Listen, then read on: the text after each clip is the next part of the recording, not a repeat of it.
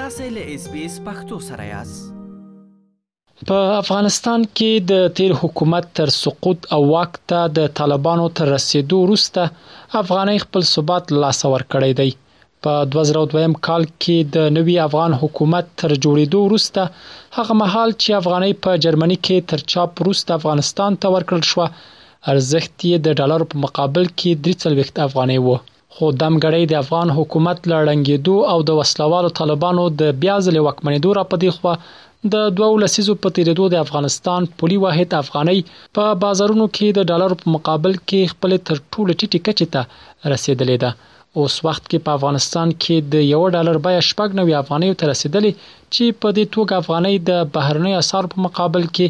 بالخصوص د ډالرو پر وړاندې ډېره لوېدلې ده. د افغانستان تیر حکومت د افغانۍ د ارزښت ساتلو لپاره په دوامداره توګه ډالر د افغانستان بازار ته عرضه کول څو تقاضا یې مدیریت کړي او د افغانۍ بیه ثابت وساتي، خو واک ته د طالبانو تر رسېدو وروسته میلیونونه افغانان اوس بې کاره دي او د عاید سرچینې یې وچې شوې دي. که څه هم څو موده وړاندې د طالبانو سرپرست حکومت د افغانستان بانک له لوري د بهرنیو اسعارو پر وړاندې د افغانیو د ثبات په پار لس میلیونه ډالر لیلام کړي ول، خو د اقتصادي چارو شنونکي بیا دغه چاره اساسي حل لار نه بولي. دغه اوسني موجود افغاني بانک نوټونه چاپ شوي دي، له همغه وخت نه د دې افغاني بانک نوټونو د بشپړ ثبات د پاره کوم اساسي او بنسټیز کار نه دی شوی. په تېرو شلو کلونو کې دغه افغانیو په تدریجي ډول باندې خپل نرخ راټیټ کړی دی چې د 15 سلويختو نه شروع وو یو ډالر په 15 سلويخ افغانۍ وو او دا اوس تر تقریبا تر یو ډالر په 490 او یا 15 افغانۍ پورې رسیدي نو دا په تدریجي ډول باندې دغه نرخ د افغانۍ راټیټ شوی دی او په تیر شلو کلونو کې هم دا په مصنوعي شکل باندې د دې نرخ دا ساتل کېده افغانان وال له مخه له بې وزلۍ او بې کارۍ سره مخ دي او اوس افغانۍ د بهرنۍ اسعارو په ځانګړي ډول د امریکايي ډالرو پر وړاندې راټیټیدلو به یو بل ناورین ته لاره هواره کړي. په افغانستان کې د افغانۍ د ارزښت په لویدولو سره په بازارونو کې د خوراکي توکو بیې هم لوړې شوي او د خراب اقتصاد او د ژمي په راتګ سره ښايي افغانان لا له پراخ ناورین سره مخامخ شي. افغان سوداګر بیا د افغانیو پر وړاندې د بهرنیو اسعارو لوړېدو ته اندېښمن دي او په وینا یې چې دې چارې د دوی په سوداګرۍ بده اغېزه کړې. د ډالرو دومره لوړوالی د افغانیو په مقابل کې دا په تجارت باندې ډېره منفي اغېزه لري، چون افغانستان یو وارداتي هېواد دی او د نورې ټولې نړۍ نه دوی واردات په ډالرو کوي. په دې سره موږ لیدای شو چې دا اوس نرخونه، د تېلو نرخونه، د وړو نرخونه او د هر څه نرخونه تجارت ډیر مخ په لوړ روان دي او دا په اوسنی حالات کې دا یو بحران رامنځته کړی دی چې وضعیت د ملک داسې دی چې خلک کارونه هم نه لري ډالر جګېدل یوازې د قالینو نه چې ټولو مسایل ټول تجارتي شیانو مصرفي شیانو باندې تاثیر کړی دا خصوصا هغه شیانو باندې چې موږ واردات لرو مثلا خوراکي شیان وریژه اوړه او غوړي او دغه شان ټول جګ شوي دي په د افغانستان په سطح کې جګ شوي دي نو خصوصا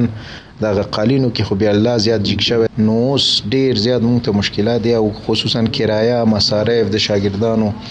تنخواګانې دا ټول هغه پخوانی سیستم باندې دا کم شوی نه ده او مشتری ته ډیر مش خصوصا مصرف کوونکو د لپاره ډیر زیات مشکلات پیدا شوی ده د ډالرو لوړوالی، د افغانۍ په برابر کې بدې اغېزې، اول پيله یې د خوراکي له موادو زموږ د وړو کاروبار ده، په دې ډېره بده اغېزه کړې، مثلاً ورکړه او راکړه موږ ټوله په ډالرو ده، هغسې موږ په افغانۍ کوو، دوه زره او دوه زره سل په یوه بوجۍ وړو موږ ته تمامېږي، وروره دا کرایه خوري، دا جوالي خوري، دا د موږ دکان کرایې،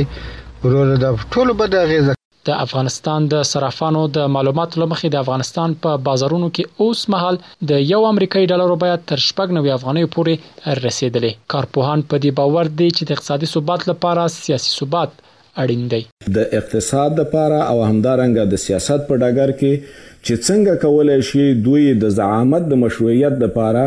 اول داخلي مشروعیت لاس ته راوړي او دغه داخلي مشروعیت د دې باعث شي چې نړیوال مشروعیت رامنځ ته کړي او د طالبانو اوسنی حکومت نړۍ په رسمیت وپیژني او د دې رسمیت پیژندلو په اساس باندې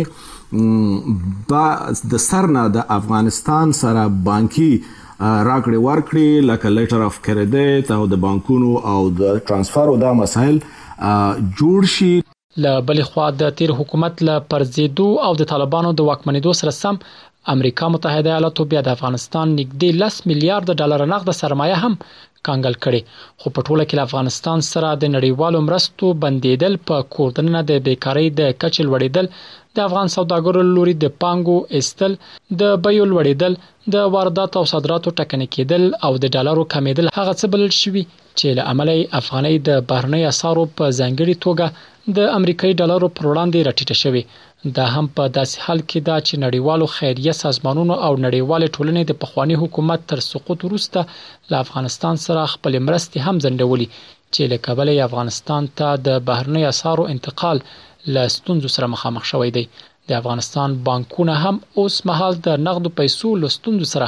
مخامخ دي. ملګرو ملتونو بیا په دې وروستیو کې خبرداری ورکړی و، که چیرته له افغانستان سره مرستې ونشي، د دې هیواد نږدې اوه نوي سلنه نفوس به بې وزلۍ او فقر وځپي.